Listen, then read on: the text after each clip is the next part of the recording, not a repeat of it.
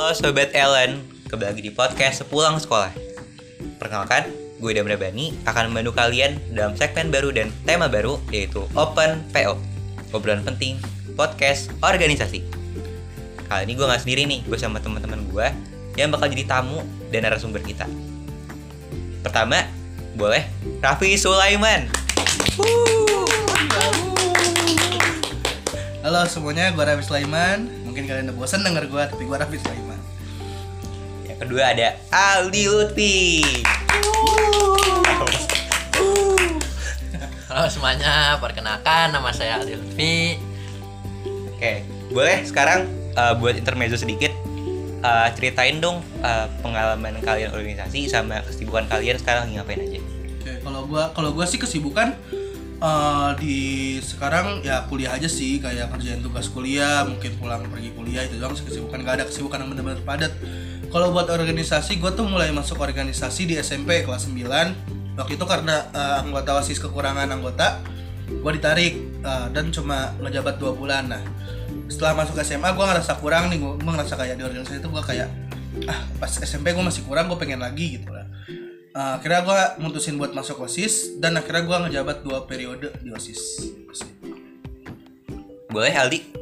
Untuk kalau kalau sekarang kesibukan gua eh, kuliah, pasti itu kuliah kan. Terus juga ngebantu kakak gua eh, dagang online. Oh oke.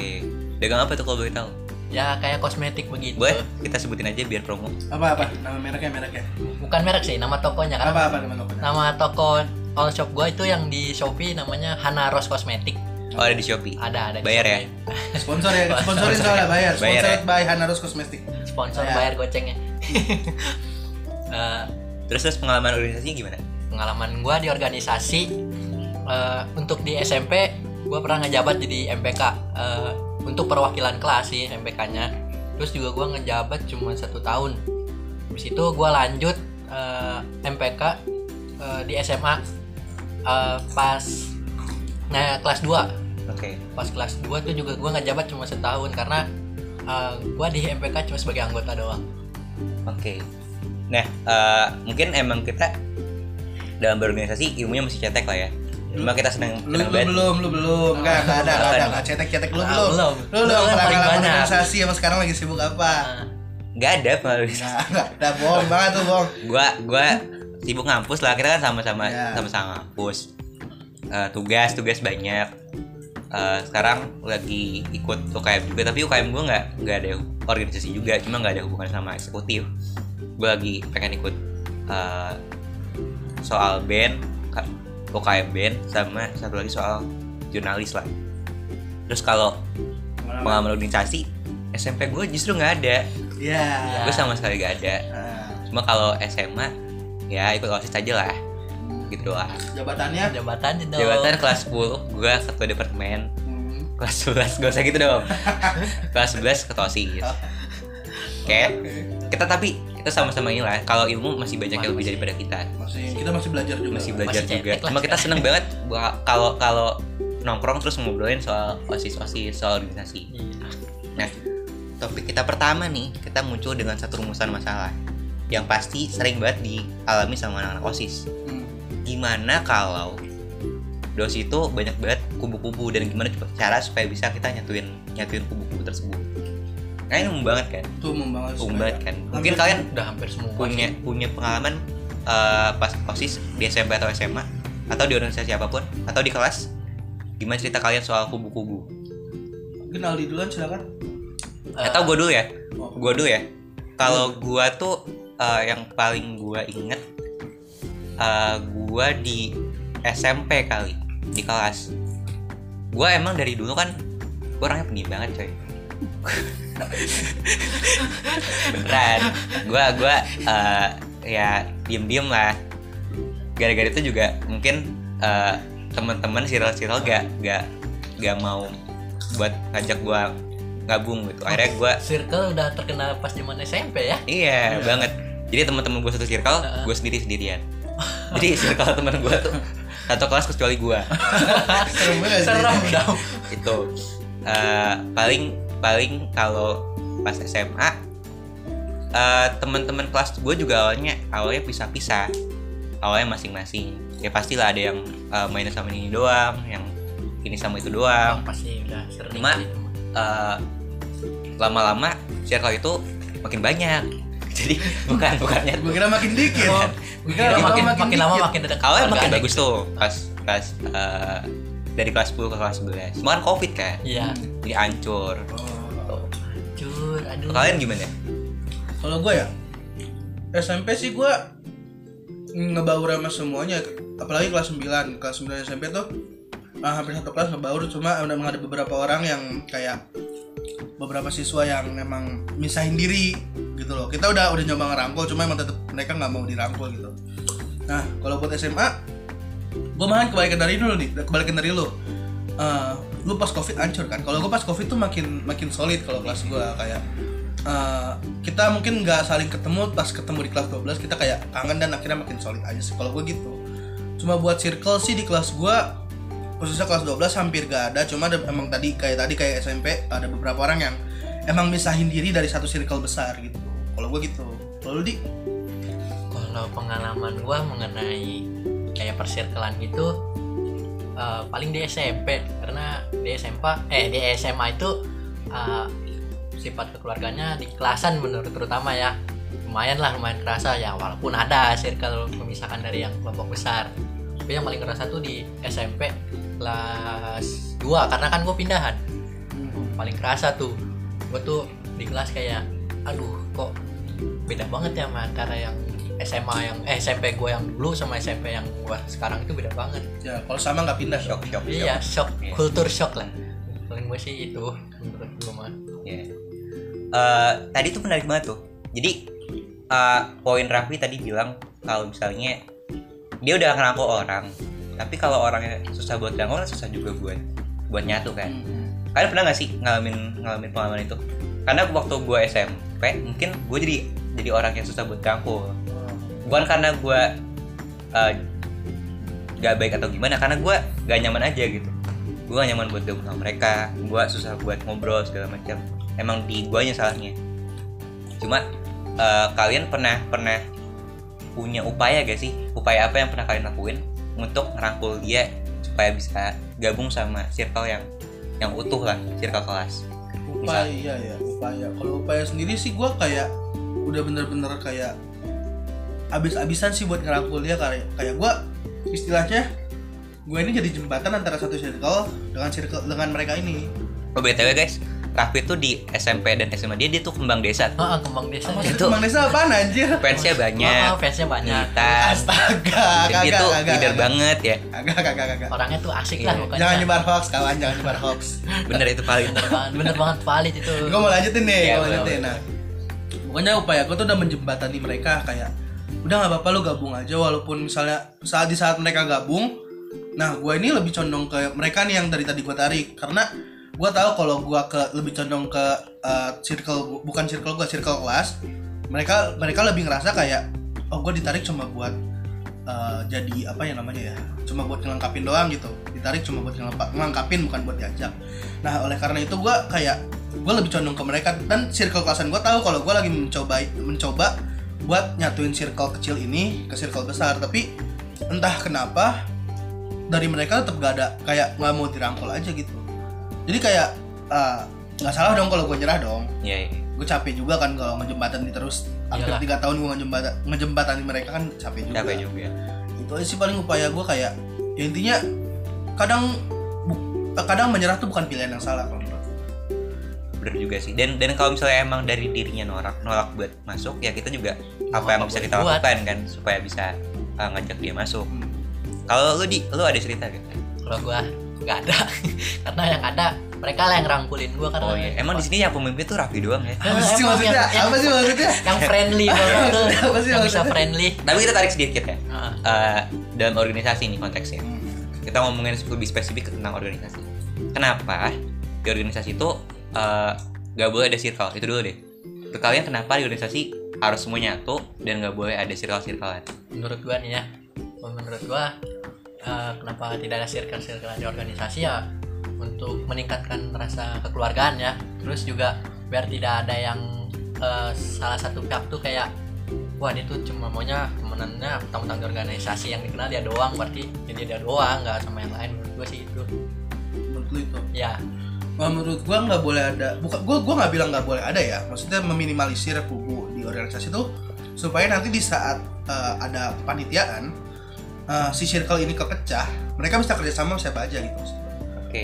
Di saat mereka eh, circle ini nyaman sama circle ini terus bukan berarti kayak lu nggak lu lu harus temen sama yang lain. Gua gua nggak nyuruh gitu tapi lu harus bisa berbaur sama yang lain. Karena di saat nanti kepanitiaan eh, lu harus profesional dong otomatis lu harus bisa eh, bekerja sama sama siapa aja. Nah jadi menurut gua nggak bukan nggak boleh ada ya tapi kayak meminimalisir circle di organisasi itu untuk memperlancar nanti saat kepanitiaan kalau menurut gua gitu.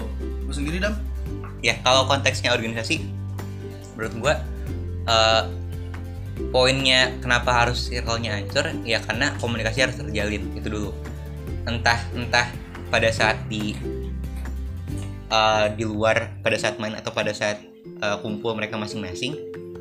Ya kayak kayak yang Raffi bilang pada saat acara pada saat program kerja asal komunikasi terj- komunikasi terjalin eh, informasi juga bisa bisa menyebar dengan cara yang baik ya nggak ada salahnya gitu. Cuma gue pengen nanya kalian deh kalian pernah gak sih eh, ada hal nih misalnya kalian lagi lagi ikut dalam acara kepanitiaan terus karena karena circle karena banyak yang circle circlean akhirnya eh, berdampak buruk sama acaranya. Pernah ada pengalaman itu gak? kalau gua nggak ada. Lo nggak ada, emang nggak ada pengalaman kayak kita salah buat tamu deh. Eh, lagi nggak kayaknya kayaknya kita harus ganti tamu ya kayaknya kalau tentang organisasi Kan gua- lu di sini harus informatif. oh sayangnya kalau tentang kayak persirkelan gitu gue nggak ada. Kalau gue pribadi mungkin dampak buruknya nggak kelihatan dari misalnya contoh ya gue gua gua mem- meng- apa namanya ya eh, kayak me- menakodai istilahnya menakodai sebuah kepanitiaan. Karena otomatis yang dilihat kan ada outer sama internnya kan. Ya, nah kalau dari outer mungkin nggak kelihatan dampak buruknya kayak eh, apa namanya acara berjalan lancar semestinya. Cuma kalau dari inter kelihatan gitu. Maksudnya kayak eh, kita kelihatan susahnya buat kerja di situ karena circle karena ada beberapa orang kayak yang gini.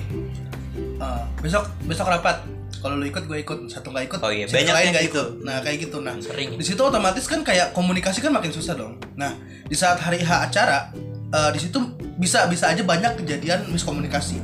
Itu yang menurut gua kayak bikin gua tuh kadang ngerasa kayak ini circle harus bisa berbaur sama yang lain gitu. Karena menurut gua ya, menurut gua pribadi, circle tuh jujur agak bukan agak ya. Ini circle tuh emang berbahaya buat kepanitiaan kalau menurut gua gitu. Dari gua. oke. Gua gua bisa nanggap sih kesimpulannya. Dalam dalam hal organisasi ya, khususnya mungkin kita lebih spesifikin lagi di SMA kali ya, di di OSIS gitu. Eh, akan sangat akan sangat merugikan acara kalau misalnya eh, si si circle ini nggak bisa nggak bisa ngobrol karena baik lagi kalau hubungannya osis ya kaitannya osis kita harus tahu dulu nih osis pasti eh, yang dikejar bukan cuma eh, keberhasilan acaranya aja tapi gimana si si eh, pengurus bisa belajar bisa bisa eh, ya nambah-nambah ilmu terus juga bisa saling sharing sama teman-temannya. Bisa kerjasama teamwork belajar leadership segala macam Eh, dan itu susah buat didapat kalau misalnya masih kubu-kubuan gitu. Dan banyak juga organisasi yang yang sifatnya kekeluargaan kan. Yang eh, pokoknya harus kerjain bareng-bareng ini kesuksesan bareng-bareng. Dan dan baik lagi berarti kalau kalau tentang eh, circle ini tentang budaya dari organisasi tersebut.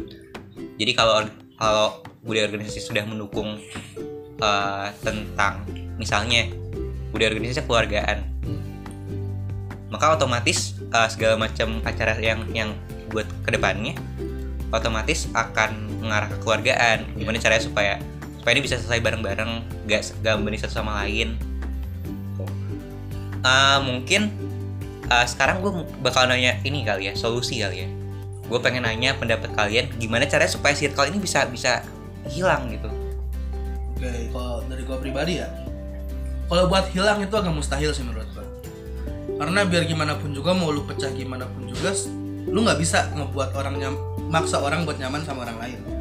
Di saat orang itu udah nyaman sama temennya, ya udah biarin aja. Mungkin itu salah satu uh, cara dia biar nyaman juga di organisasi. Nah tapi uh, mungkin cara cara yang kalau dari gua pribadi ya, sebagai contohnya sebagai gue misalnya gue sebagai seorang ketua Iya. gue bakal ngebuat satu circle yang lebih besar daripada circle-circle kecil Itu. untuk uh, menaungi circle-circle kecil tersebut dan uh, dengan cara itu perlahan-perlahan uh, kita mencoba buat terbuka ke para anggota di saat kita mencoba terbuka ke para anggota otomatis anggota merasa kalau kita sebagai ketua percaya sama mereka nah mungkin di saat uh, mereka mi- mikir begitu bisa juga mereka kayak oh ketua udah udah percaya nih sama kita. Kita juga harus percaya sama ketua. Kita harus eh, apa namanya harus bisa berbaur sama yang lain juga. Kita harus nyatu. Ketua mungkin nganggap kita sebagai keluarga kita juga harus menganggap organisasi ini sebagai keluarga. Kalau gue gitu. Dari lu Gue nih mungkin. Kalau gua untuk solusi untuk circlean ini eh, mengubah pemikiran seseorang sih, walaupun rada susah tapi secara lebih ke individunya ya. Iya lebih ke gue lebih ke arah ke individunya untuk mengubah pemikiran dia tuh. Kan mengubah pemikirannya dari yang organisasi ini pasti pasti banyak dong pemikirannya. Kayak organisasi tuh aduh nggak kenal gue nih takut apa gitu. Kayak orang nervous lah grogi lah. Ya kayak gue contohnya waktu itu. Hmm. ya untuk solusinya diubah dulu pemikirannya tentang organisasi itu kayak gimana terus sifat organisasi kayak gimana menimbul- eh, bisa menimbulkan rasa sifat kekeluargaan terus bisa komunikatif paling begitu paling sendiri, Dam? pemikiran Gua gua setuju sama pendapat kalian berdua. Tentang individu dulu kali ya. Iya. Eh, gua gua setuju banget karena menurut gua akhirnya banyak yang masuk organisasi goals mereka udah bener cuma banyak juga yang yang belum nentuin goals mereka ketika masuk organisasi ya belum nentuin tujuannya apa gak tahu juga di sana mau ngapain jadi menurut gue dari individu tersebut ya harus tentuin dulu. Kenapa sih lu pengen masuk organisasi? Terus banyak juga ya dari individu yang takut salah gitu. Nah itu. Jadi dia terbiasa buat uh, bareng sama teman-teman di circle-nya karena dia uh, komunal. Kan kita manusia mau bangsa yang komunal gitu. Dia dia takut buat berbuat salah makanya dia ngumpul sama teman-temannya yang yang mungkin bisa ngoreksi dia kalau dia salah. Yang menurut gue justru kalau kalau di organisasi justru tempat lu buat salah gak sih lu harus harus berani berbuat berani ngambil tindakan dan dengan lu berani ngambil tindakan lu berani juga buat salah gitu. Eh, selain itu juga ada eh, budayanya. Jadi lo harus tahu dulu nih budaya di organisasi kayak gimana. Kalau misalnya budayanya emang eh, kekeluargaan yang harusin lu buat komunikasi ya otomatis lu juga harus harus eh, laksanain itu. Lu kalau bisa ngobrol sama teman-teman harus bisa eh, jalin komunikasi yang baik harus bisa main bisa sharing dan lain-lain. Supaya apa? Supaya kegiatannya bisa terjalan dengan dengan dengan baik programnya bisa terjalan dengan baik. Selain itu juga tadi benar kata Raffi. Kalau kita tuh nggak boleh jadi nggak boleh ngerontohin keruntuhin si circle circle. Justru kita harus jadi jembatan supaya jadi uh, penghubung antara circle dan circle. Sehingga jadi terbentuk satu circle yang satu gitu yang membawahi semua circle di dalamnya paling segitu aja kali ya. Uh, tema tentang circle atau kubu-kubu dalam organisasi episode pertama. Terima kasih buat kalian yang sudah mendengarkan. Uh, sampai jumpa di episode selanjutnya. Sama gue Depra Bani. Gua Raffi Sulaiman. Gua Aldi Lutfi. Kami pamit undur diri. Sampai jumpa di episode selanjutnya. Terima kasih. Deng deng deng deng